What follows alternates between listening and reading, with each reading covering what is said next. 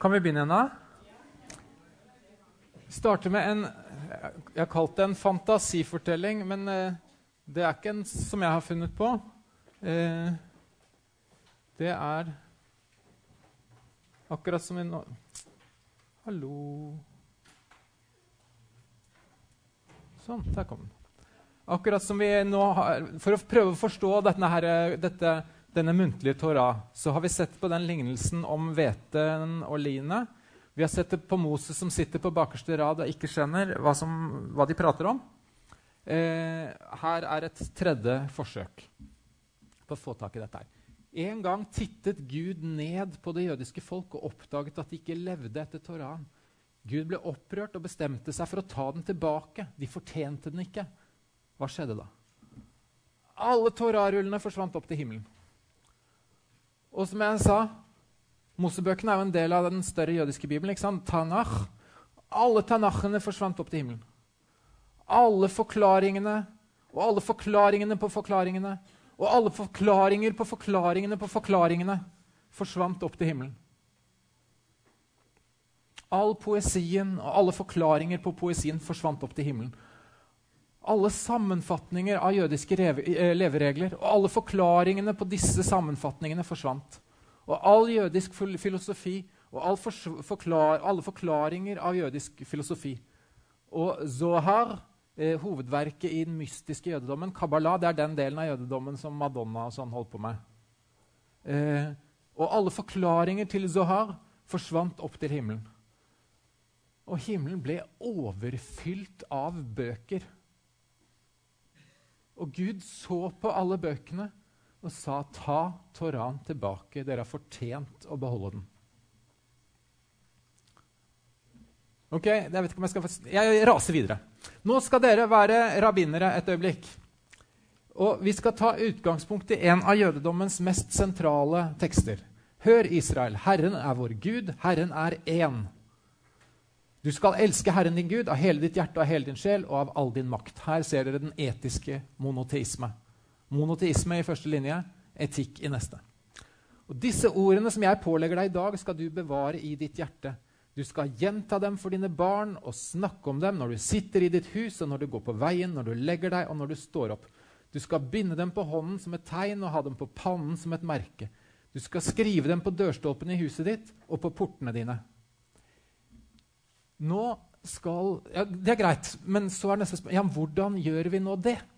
Hva innebærer dette i praksis? Nå vil jeg at dere der dere sitter, skal stille noen spørsmål til denne teksten. Av typen 'Hva innebærer det i praksis?' Forstår dere hva jeg mener? Prøv å finne noen praktiske spørsmål. Ja, hva, hva skal vi gjøre da? Hvordan, kom igjen. Finn noen eh, spørsmål til eh, denne teksten av helt praktisk art. Snakk sammen i et halvt minutt, og så snakker vi sammen, alle sammen.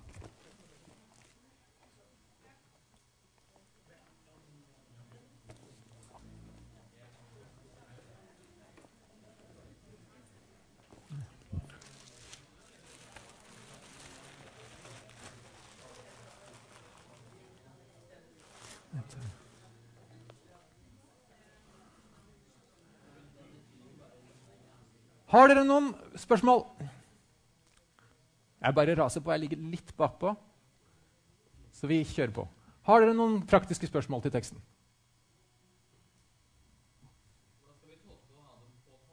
Ja. Er det bokstavelig ment, eller er det en eller annen metafor? Supert spørsmål. Eh, hvis jeg nå sier det er bokstavelig ment, da kan, spille, da kan, du stille mange flere spørsmål. Ja, Hvordan da? Skal vi se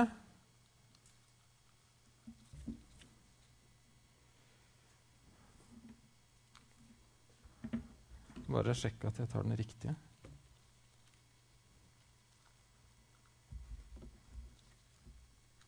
Yes. Ja, hva slags materiale skal jeg binde med? Eh, hvordan skal det se ut? Hvordan skal det festes? Det skal festes noe sånn Sånn. Hvor breie skal disse være? Det diskuterer Jesus et sted. Hæ? Snakk om breie remmer og smale remmer. Og jødedommen har landet på det samme som Jesus. Anbefaler smale remmer. Eh, ja, det samme. Dette er binde på hånden. Ja, hånden? Jeg har da i hvert fall to hender. Hvilken av dem skal jeg da bruke? Nei, det, det er venstrehånden, for den skal festes nærmest hjertet. Og hvor mange ganger skal jeg rulle den? Det må jeg innrømme at det kan jeg ikke. Jeg bare, det, for det har en symbolsk betydning. Ikke sant? At ved antall ganger jeg ruller denne rundt, og så gjennom hånden på en eller annen måte som jeg ikke kan, så får jeg til en, å lage en bokstav som ah, Den skulle være av. Masse praktiske spørsmål. Flere spørsmål? Ja? Ja. Denne er Eh, ja. Inni her I, Ja. Når bruker, ja, nett, takk for spørsmålet. Når brukes det? Er det noen som kan svare på det? Hele tiden? Nei, det er ikke noe man går med, med hele tiden. Uh, nei eh, ikk... Hæ? Hva sa du? Ja, ja det er GoPro-kamera. eh, altså, den brukes under, uh, under uh, morgenbønn og kveldsbønn på hverdager, ikke på sabbat. Eh, så den er knyttet til altså når du legger deg, og når du står opp. Hva som er inni, ja. Nettopp. Det er en liten skriftrull med akkurat disse versene på og noen flere vers. Så inni her ligger det håndskrevet, håndskrevede små tekster. Skrevet på ikke på papir, men på, på pergament. Altså på skinn.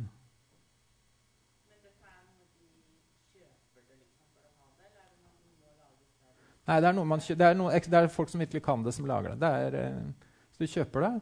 Typisk, det, var noen som sa konfirmasjon. Altså, dette er typisk sånn som en gutt får til, uh, til sin eh, bar mitzvah. Ja, det spørs hvilken retninger innenfor jødedommen. Innenfor ortodoks jødedom så er dette noe menn bruker. Eh, innenfor eh, eh, reform og konservativ jødedom, som er store i USA, så, eh, så er det både kvinner og menn. Altså, Ortodoks jødedom er den store retningen i Israel. Så kan si den synagogen som, altså, er dere med Hvis jeg sier den kirken som nordmenn ikke går i, det er Den norske kirke. Er, er dere med på det? Altså, den kirken som nordmenn ikke går i, det er statskirken. Eh, det er ikke, det er ikke pinsemenigheten de ikke går i. De går ikke der heller, men det er ikke den de ikke går i. Altså, den man ikke går i, den synagogen som israelere ikke går i, det er en ortodoks synagoge. Og også synagogene i Norge er ortodokse, selv om veldig få medlemmer lever ortodoks. Nå er vi over til jødedommen i Norge. Jeg skal komme dit om et øyeblikk. Skal vi se hvordan Mishna eh, starter diskusjonen med altså Det står at du skal eh, når du legger deg, når du står opp. Ja, når er, det, når, når er det nok kveld til å lese denne den Teksten heter Shma, eh, som betyr 'hør'. For det er første ordet. 'Hør, Israel, Herren er vår Gud'. Fra når leser man Shema om kvelden? fra det tidspunktet prestene kommer inn for å spise tienden. Men rabbinerne sier fram til, ja, fram til midnatt. Og Gamaliel sier fram til det gryr av dag. For en gang kom sønnene hans sent hjem fra fest og sa å filler'n, vi har glemt å lese Shema. Han svarte hvis det ennå ikke gryr av dag. Så her er spørsmålet om eh, tidspunktet. ikke sant? Og så fra når leser man Shema om morgenen? Dette står i Mishna. Og så kunne vi tatt en ny runde og så kunne dere stilt spørsmål til Mishna. Og da hadde dere fått det som heter Gemara. Og når man setter sammen Mishna og Gemara, så får man det som heter Talmud. Her starter Gemara å spørre hva baserer de gutta som diskuterte Mishna, seg på når de sier 'fra når'? Og hvorfor starter de med å si om kvelden, og hvorfor starter de ikke om morgenen? Jo, for det står at når du legger deg, og når du står opp. Og Dessuten så står det eh, i Bibelen at det ble kveld og det ble morgen. og Derfor så passer det å starte om kvelden. Masse, så Talmud er altså full av et kaotisk arkiv av diskusjoner og argumenter. Her ser dere en uh, Talmud-side hvor det Mishna, den Mishna-teksten som vi så på nettopp, eh, den står der. Og så begynner Gemaran å diskutere. Og så er det middelalderkommentarer der og middelalderkommentarer der. Og bibelhenvisninger der. Bibelhenvisninger nettopp, som dere så i teksten, til Jo, for det står 'når du legger deg, og når du står opp'. Det er den. Og to linjer lenger ned så står det 'og det ble kveld, og det ble morgen'. Og så er det henvisninger og kryss og noteapparater. Eh, og så skjønner dere hva jeg sier når jødedommen er et studieprosjekt. Den hopper vi over. Her er et av de rareste stedene i Bibelen. Tal, eller det sa jeg. Tal til israelittene og si at de skal lage seg dusker på kappeflikene i slekt etter slekt. Og på hver dusk skal du sette en snor. Og slike dusker skal dere ha, og hver gang dere ser dem, skal dere komme Herrens bud i hu. Så det spørsmålet går man med sånn hele tiden. Nei, men det er en del som går med en sånn firkantet liten sak med dusker i hjørnene. Under skjorta. Eller over skjorta. Det spørs om hva man syns passer. Og når man da er til gudstjeneste, så tar man et stort sånt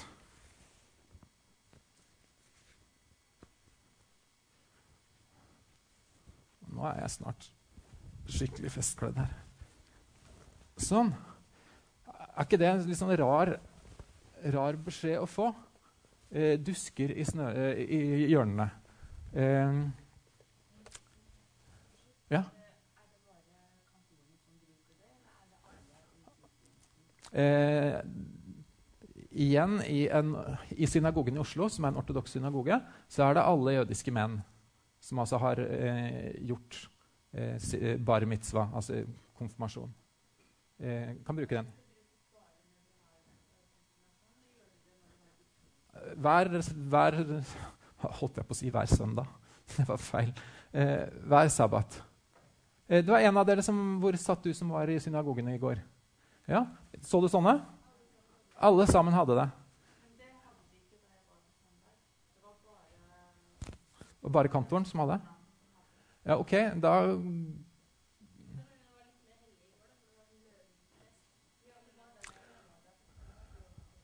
Var du der i går kveld? Ja. Eh, altså nå Nei, på søndag kveld?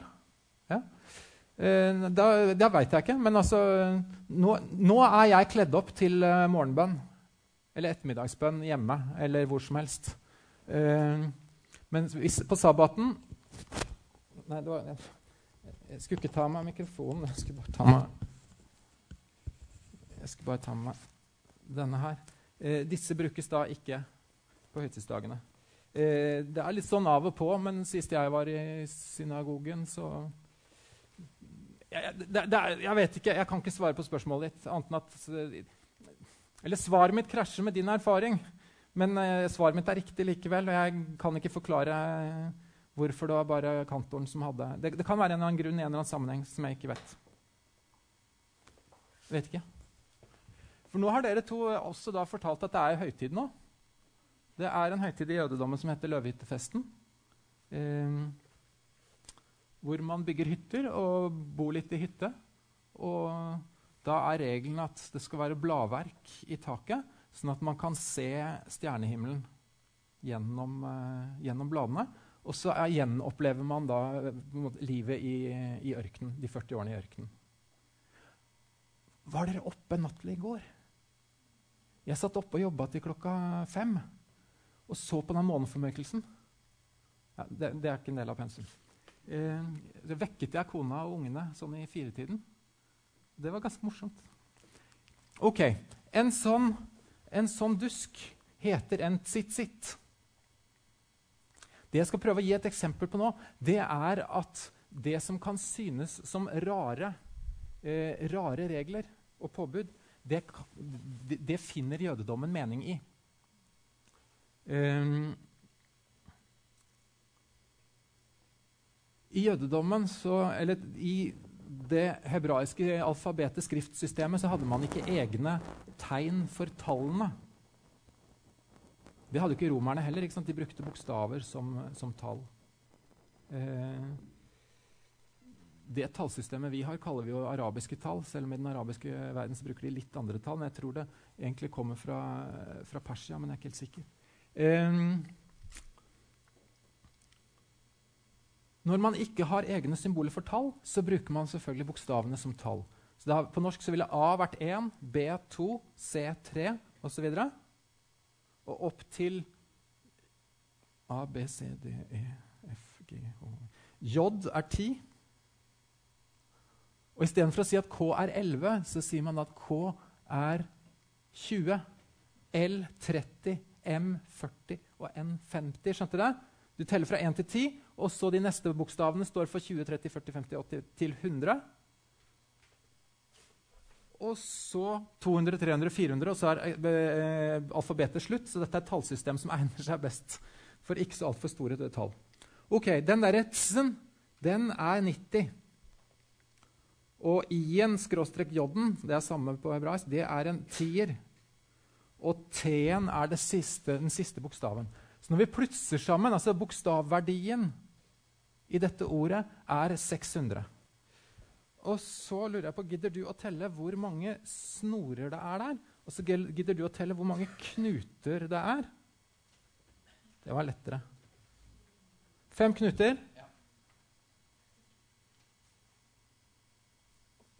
Åtte snorer og fem knuter. Og hvis vi tar 600 pluss 8 pluss 5, hva kommer vi til da?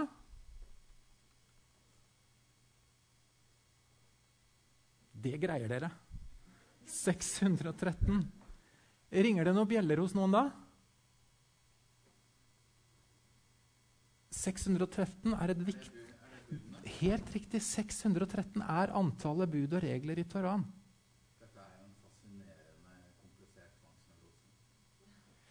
Ja, eller jeg følger deg hele veien at det er fascinerende komplisert. Eh, hver gang dere ser på dem, skal dere komme Herrens bud i hu, så dere lever etter dem. Altså Hver gang du ser på den, så minnes du om tallet 613, så du lever etter det. Uh, jeg ser nå at jeg burde tatt med det jeg hoppet over. Det var altså en jødisk lærd som skal ha sagt Jeg har hørt i en forelesning, og så har jeg googlet det. Jeg finner det ikke, så jeg er litt usikker på om han faktisk har sagt det, men historien er god. Det essensielle i jødedommen er at du ikke skal gjøre opp ild på sabbaten. Altså, Jødedom er lik blind lydighet. Og når han sa det, eller skal ha sagt det, så var det mange som eh, protesterte og sa nei, jødedommen er ikke sånn blind lydighet. Jødedommen er en filosofisk, rasjonelt begrunnet eh, etisk monoteisme. Og Hvis man har begge de to tingene i hodet, tenker begge de to tingene i hodet samtidig, så tenker man at man er i ferd med å forstå noe. Eh, ingen av dere må tenne opp ild i sitt hus på sabbatsdagen. Det er jo skrekkelig upraktisk, da. særlig når det tolkes sånn at du ikke kan slå på en lysbryter. og, og sånn. Eh, og det mange, det mange, jøder da vil si, er at i, for 2000 år siden så var dette arbeid. I dag er det jo bare en bryter, så det å, slå, det å bruke lys på sabbaten er ikke eh, er greit. Dette sa kona mi. Eh, som eh, sa hun det, det var i diskusjon med en, eh, en av mine ortodokse venner. Og da svarte han Og nå kan vi diskutere om det er nevrose eller hva det er. Men han sa Det var ikke noe stor jobb å tenne ild i antikken heller. Det var eh, chik-chak, sier man på hebraisk. De visste hvordan de gjorde det. Men så poenget er ikke at det er så innmari slitsomt. Men poenget er hva var det første Gud skapte i første Mosebok 1? Det skal bli lys. Og det ble lys. Så han sa, første, altså Den første jobben Gud gjorde, var å slå på lyset. Og det var ikke slitsomt eller vanskelig. Men det, var, men det så han sa, det er liksom det er jobb én. Altså, det er essensen av arbeid, sa han på sånn, i en sånn jødisk dialekt som, ikke, som, man kan være litt vanskelig å forstå. Nå kan jeg ta med denne. Uh, så han sa at hvis det å gjøre opp ild, det å skape lys, er den første jobben Gud gjorde, så er det den første jobben Gud på en måte hviler fra på sabbaten, og Gud også hviler. Og hvis vi skal hvile på sabbaten, så er det å ikke lage lys er dere, Man kan være enig eller uenig, men er dere med på at det er en vakker tanke? Altså På samme måten som Gud jobbet ved å lage lys, og hvilte ved å ikke lage lys, så skal vi på sabbaten hvile bl.a. ved å ikke lage lys. Jeg husker ikke hvem av dere som var først. Det var deg.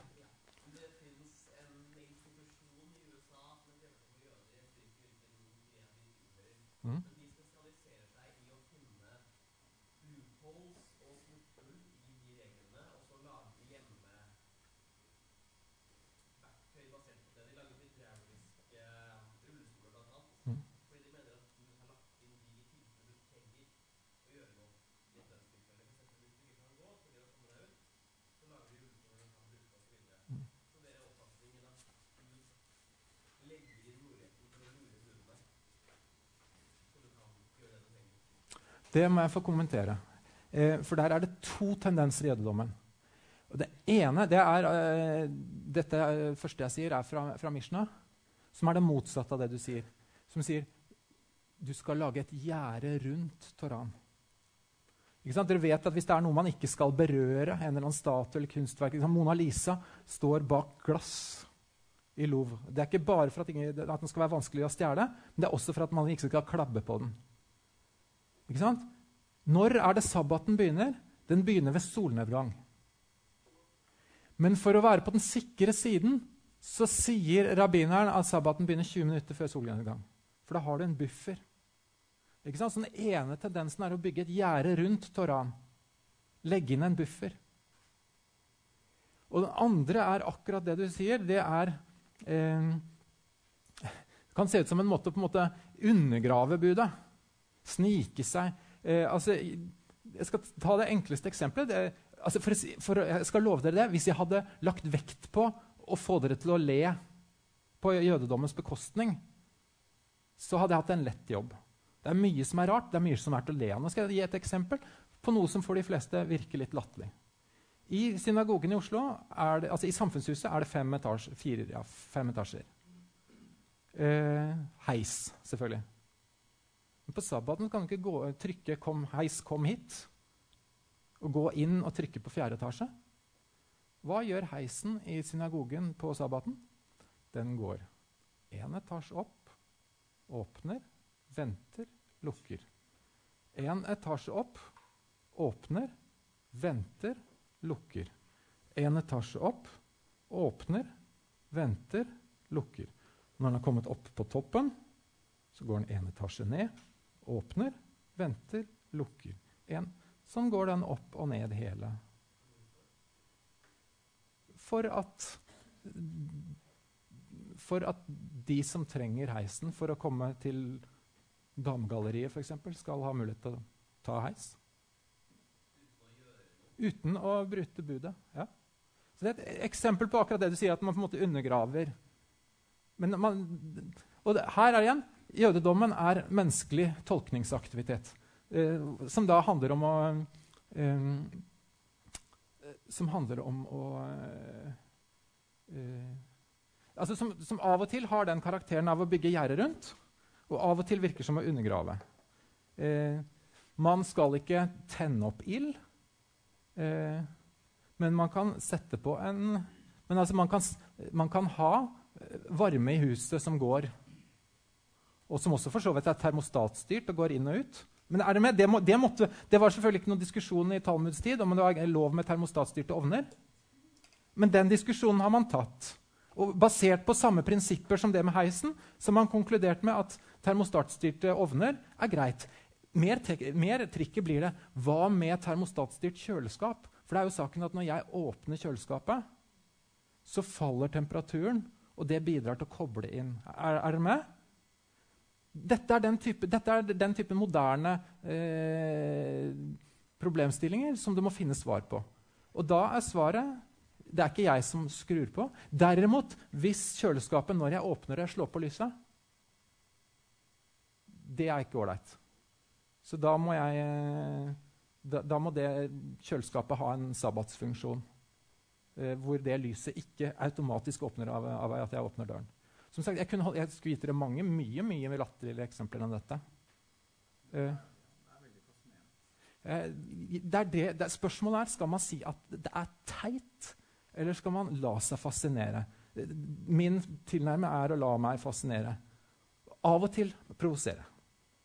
Det er noen ting som uh, provoserer meg, uh, men jeg vil ha som grunnholdning at jeg lar meg fascinere av det som er uh, ukjent og, og, annerledes. Og så vil jeg gå den runden med å få disse vakre forklaringene som kan ligge bak. Er du med? Bak disse, denne dusken. Og bak dette forbudet mot å trykke på, på knapper.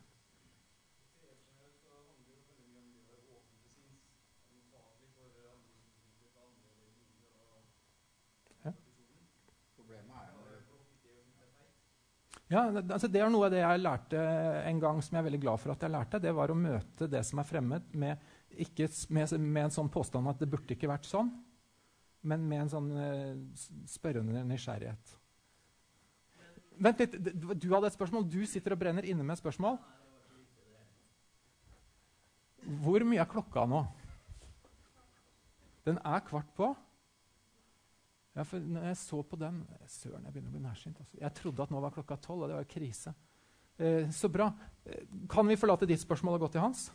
Eh, ditt spørsmål, altså, Poenget er jødedommens måte å, å, håndtere hverdagen på, så finner du begge de tendensene der. Både tendensen til å lage buffer og tendensen til å nærmest undergrave.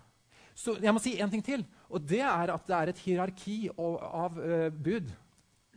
For eksempel uh, kona til kantoren i uh, synagogen i Oslo. Altså, si, det er en, en, eh, familie som er profesjonelt ortodokse. Jeg? Altså, de fleste, synagogen er ortodoks. De fleste medlemmene lever ikke ortodokst. De kommer med bil til synagogen, for de bor i, på Bekkstua. Ikke sant? De som vil leve ortodoks, de må jo gå, bo i gangavstand til synagogen. Eh, de fleste gjør ikke det. Men altså, kantorfamilien bor vegg i vegg. Eh, kona hun er sykepleier og har fått jobb. Kan hun jobbe på sabbaten? Ja, det kan hun. For hensynet til liv og helse er viktigere enn enn eh, det å overholde sabbatsreglene. Er, er, dere med på det? Så hun, Når hun jobber på sabbaten, så er ikke det sånn 'Å, søren, det er litt uhabelig. Nå må jeg bryte med, nå må jeg kompromisse.' Nei, det er, det er kjør. Ambulansene kan kjøre eh, i Israel. Sykehusene jobber med ortodokse ansatte. Eh, min svigerfar, som er diabetiker, kan ikke faste på jom kippur. For det er ikke medisinsk forsvarlig. Hensyn til liv og helse overstyrer eh, det meste. Eh, så det er en annen altså når, når, ulike normer krasjer mot hverandre, så er det noen som går foran, og noen som må vike. Ja? Nei, det var han først. Unnskyld. Ok.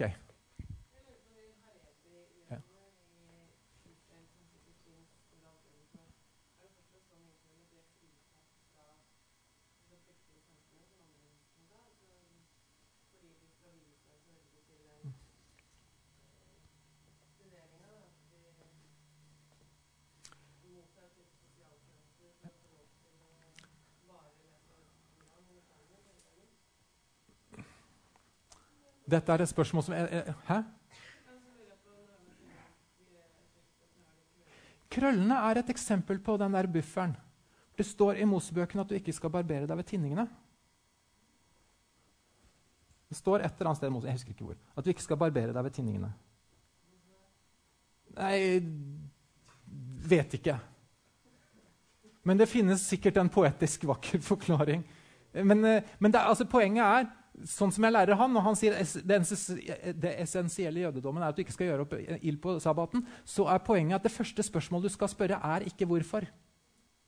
Du skal ikke alltid starte med å stille 'hvorfor', for det blir en avsporing. Du kan starte med å spørre eh, 'ja vel, hva mener du med det?'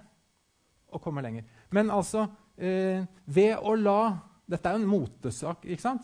Altså Ved å la håret her gro så langt som bare det, så demonstrerer du til overmål at du ikke barberer tinningene.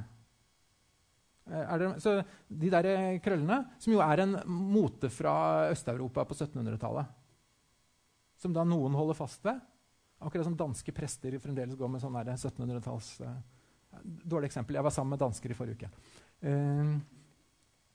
Men det er et eksempel på den der buffertenkningen. Uh, så er det spørsmålet ditt om ultraortodokse jøder i Israel. Da staten Israel ble opprettet, så bestemte hva skal jeg si, flertallet at det var greit at de ultraortodokse ikke gjorde militærtjeneste. De var noen spjælinger uansett. De har jo aldri trent. Og de fikk på en måte vise seg til studiene. Eh, andelen ultraortodokse i Israel i dag er mye større enn eh, en den var i 1948. Sånn at dette er blitt en større og større utfordring at israelere flest gjør to eller tre års militærtjeneste, mens de ultraortodokse slipper. De vil jo si ja, men vi gjør noe som er like viktig eller viktigere for fellesskapets beste, nemlig å studere. Som jeg sa, studier er en viktig måte å gjøre jødedom på. Og når ikke alle de andre gjør det, så skal i hvert fall vi gjøre det. Ikke sant? Problemet er jo at når alle altså Hvis man studerer, så er det, så er man, så er det kanskje ektefellen, kona, som må tjene penger. Så veldig mange av de ultraortodokse jødene lever i fattigdom. In, ikke, dette, er, dette, er, Israel, jeg vil snakke om Norge. Korte svaret er at det er en bevegelse i Israel i retning av å få de ultraortodokse inn i militæret og inn i arbeidslivet. En tydelig bevegelse de siste ti årene. Inn i militæret og inn i arbeidslivet. Fordi at det ultraortodokse samfunnet eh, er ikke økonomisk bærekraftig. Eh, ok. Hvem var først av dere? Ok.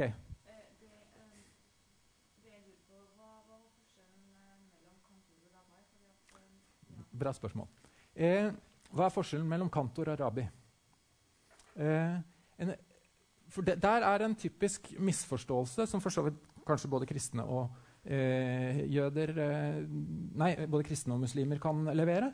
Eh, hvem er det som er religiøs ekspert i kristendommen? Det er prestene. Hva gjør prestene? De leder gudstjenesten. Hva gjør en imam? Leder bønnen. Rabbineren er eksperten i jødedommen. Hva gjør han? Lese, leder gudstjenesten? Nei, det er ikke hans jobb. Rabbinerens jobb er ikke å lede gudstjenesten. Det kan hvem som helst gjøre. altså alle menn som har, eh, Eller hvis vi er i en uh, amerikansk uh, reform- eller konservativ synagoge, uh, menn eller kvinner kan lede gudstjenesten i synagogen i Oslo. Alle menn som, som har vært bar mitzvah, kan lede gudstjenesten. Det er ikke alle som har nok peiling til at de greier det. og Derfor har man ansatt en kantor som er gudstjenesteleder. Rabbinerens jobb er andre ting. Rabbinerens jobb er undervisning. Det er den viktigste jobben til rabbineren. Så det er, å være autoritet på, eh, på eh, rullatorer. Og alt fra rullatorer til, eh, til brunost. Ikke sant? Spørsmål om hva man kan spise og ikke kan spise. Eh,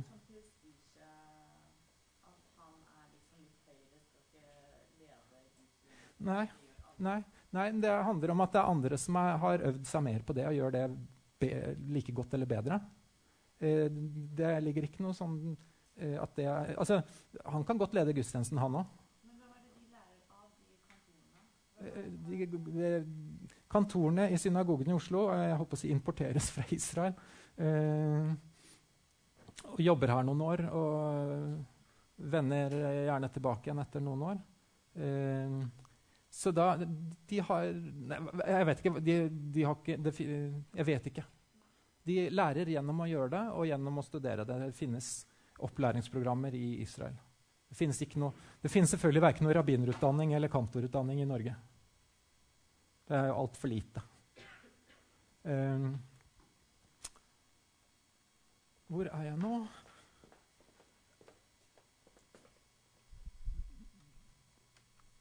Den har vi tatt. Ja, dette er viktig. Hva er det å være jøde? Det er å si at jeg er et ledd i en kjede som forbinder meg med generasjoner på generasjoner tilbake til Abraham og Sara. Vi bruker de samme navnene, de feirer de samme høytidene, vi bruker det samme språket, vi føler oss knyttet til det samme landet. Jeg er et ledd i en kjede, og jeg vil ikke være det siste leddet. Dette tror jeg jeg kan si er kjernen i hva det er å oppfatte seg selv som jøde. Eh, I den siste, det vil si, jeg ønsker, jeg ønsker meg jødiske barn og jødiske barnebarn. Jeg skal si det litt, sette det litt på spissen. Målet i kristendommen i islam er å bli frelst. Målet i jødedommen er å få jødiske barnebarn. Skjønte dere? Altså, det betyr jo selvfølgelig da at dette med opplæring er eh, viktig. Jødedommen er et overlevelsesprosjekt. Det er selvfølgelig blitt enda mer det etter, etter holocaust. Jødedommen er et barneoppdragelsesprosjekt. Og Det går an å være en sekulær, ikke-troende, ateistisk jøde. Altså, eh, Den jødiske menigheten i Oslo er full av medlemmer som betaler kontingent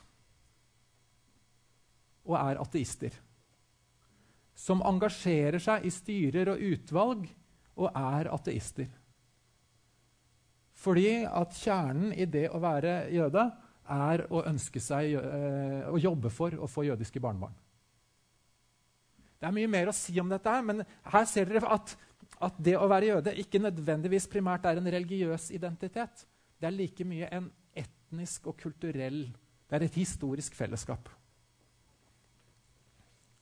Så Når det står i en lærebok for førsteklasse i RLE at det som forener alle jøder, er troen på én gud, så er det helt riktig og helt feil. Teologisk sett så er det riktig. Én gud. Jødedom en etisk monotisme. Men i praksis er det helt feil, for det er ikke troen på én gud som forener alle jøder. Det er det, det det, kjedet som går tilbake til Abraham og Sara. Det er det som forener alle. Og den, den opplevelsen av å tilhøre det kjedet og ønsket om å ikke være det siste leddet ja, etnisk identitet mer enn en religiøs. Ok. Dette er sånn som Jeg startet denne forelesningen i gamle dager. Da startet jeg med å si at så enkelt kunne dette vært gjort. Eh, jødedommen er GTs religion. Så altså tar du Bibelen og tar vekk NT, så har du jødedommen. Tar du kristendommen og tar vekk Jesus, så har du jødedommen. Og så sa jeg sett et stort kryss over det.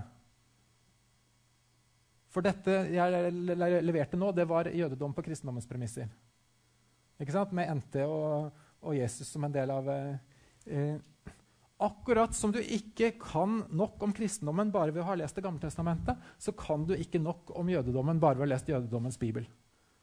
Du må nettopp Du må sette deg eh, du må sette deg sammen med Moses på den bakerste raden og se på det og si at jeg, jeg som kjenner Det gamle testamentet, jeg skjønner likevel ikke hva dette er for noe. Uh,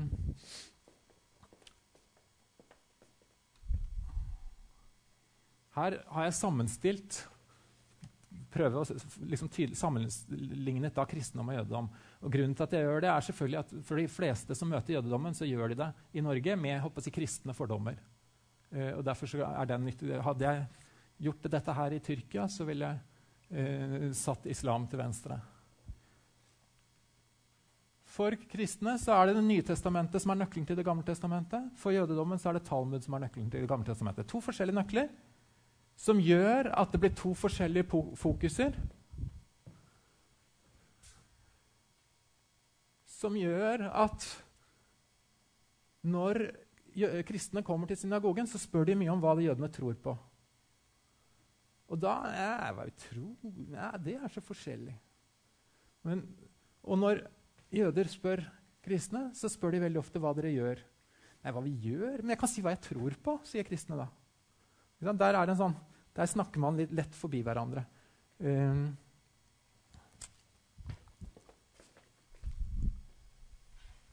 jeg satt på en forelesning med en uh, ortodoks rabbiner i Jerusalem.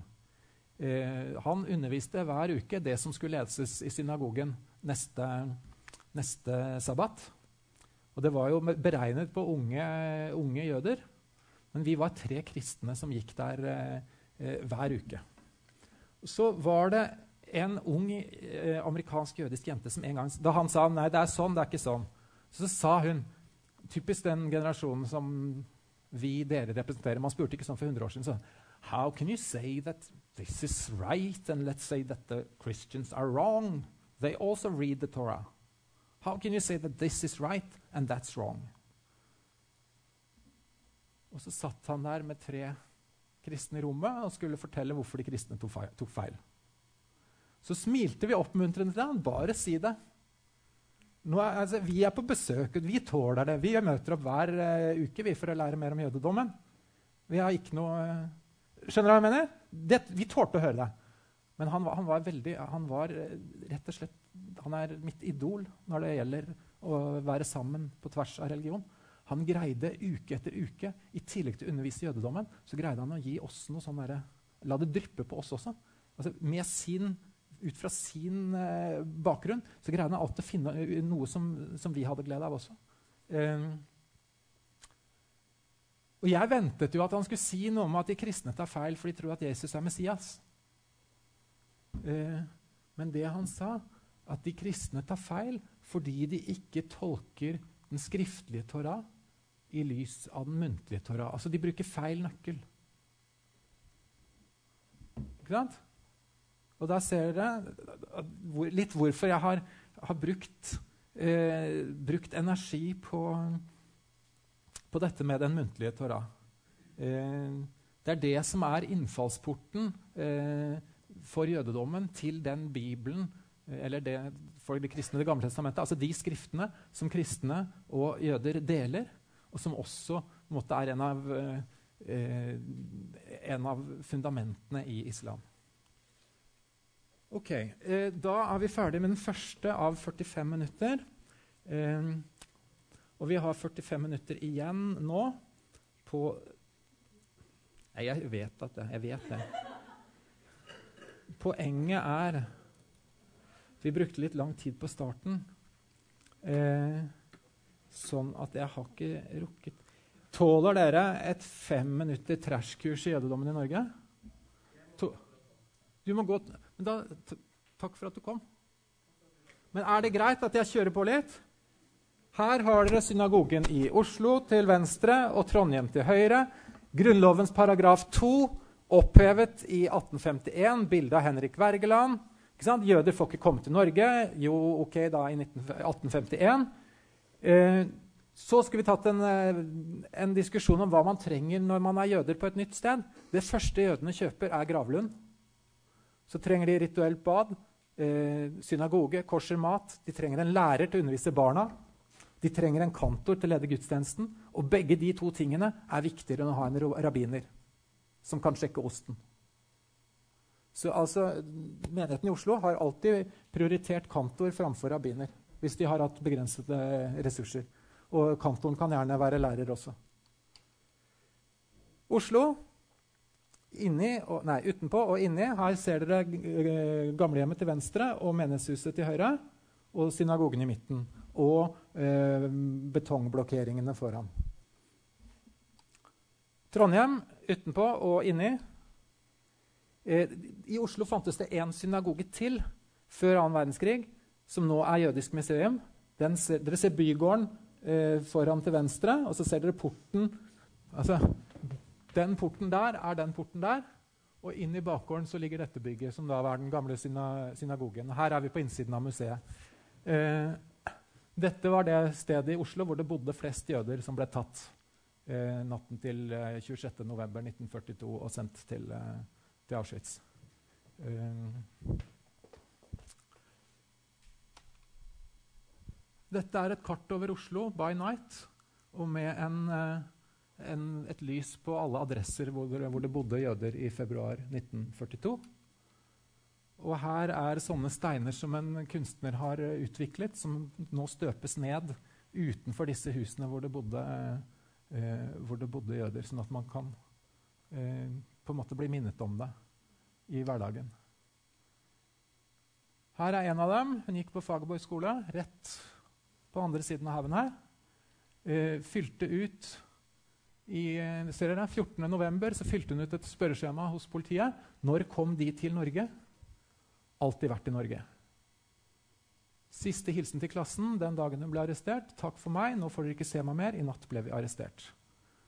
Uh, det var 772 personer som ble sendt til Tyskland.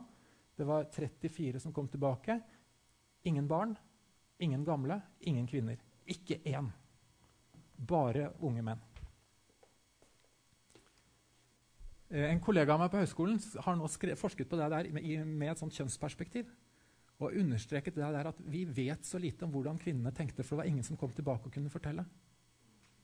Eh, og så har hun da Ved stille kjønnsspørsmål så ser hun hva som skjedde den høsten 42, med helt nye øyne.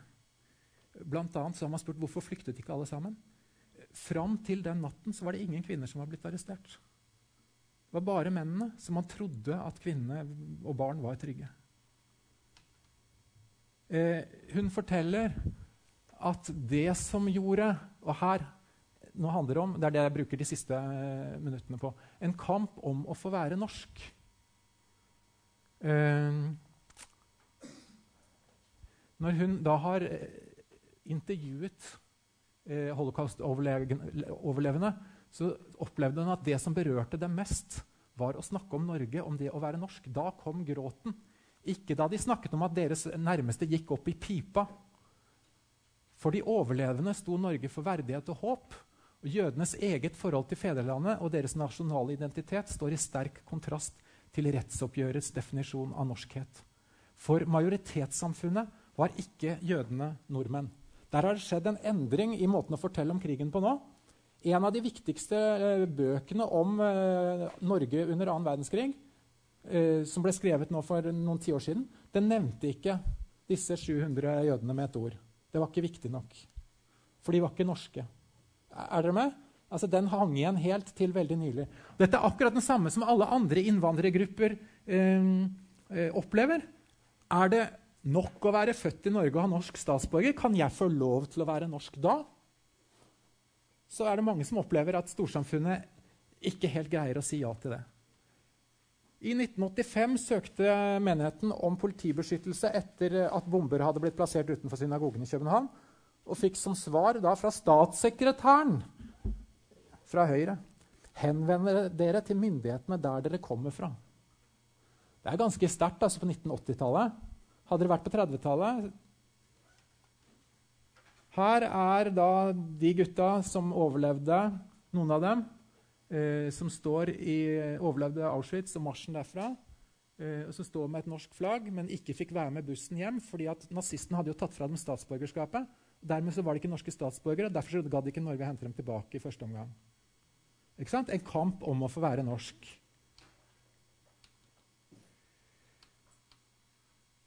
Ja. Vi Sikkerhet, utrygghet, kulehull eh, Dette bildet har jeg med for å vise han der sikkerhetsfyren som står bak der. Eh, Stockholm, mars 2014. Også så dette bildet til slutt fra en lærebok i RLE, hvor jødene løper rundt på gaten og vifter med, med Se, her står de med Se her, sier jeg peker på skjermen. Her står de med disse her eh, lærremmene og den på pannen. ikke sant? Ute og vifter med en lysestake og en torarull. Og så er de så rare at noen står og tar bilder av dem. Og så, det er helt merkelig. Dette er hvordan, hvordan en minoritet da konstrueres av flertall. Ok, En kamp om å få være norsk. Det å få være norsk, norsk jøde. Ja, dette ble sagt i Stortinget uh, den Dagbladet 2013. Vi gir oss der, vi. Uh, dårlig sted, men jeg kunne fortalt en fortelling da om, om, det å få til barnearbeid, ungdomsarbeid, få en menighet som lå med knekket rygg etter, uh, etter krigen, til å fungere. Uh, jeg snakket da om noe annet, nemlig om det å få lov til å være norsk. Det er helt sånn sentralt i hva det er å være jøde i Norge. Det er en kamp om å få være norsk. Ok. Eh, takk for nå. Takk for tålmodigheten. Vi gir oss der.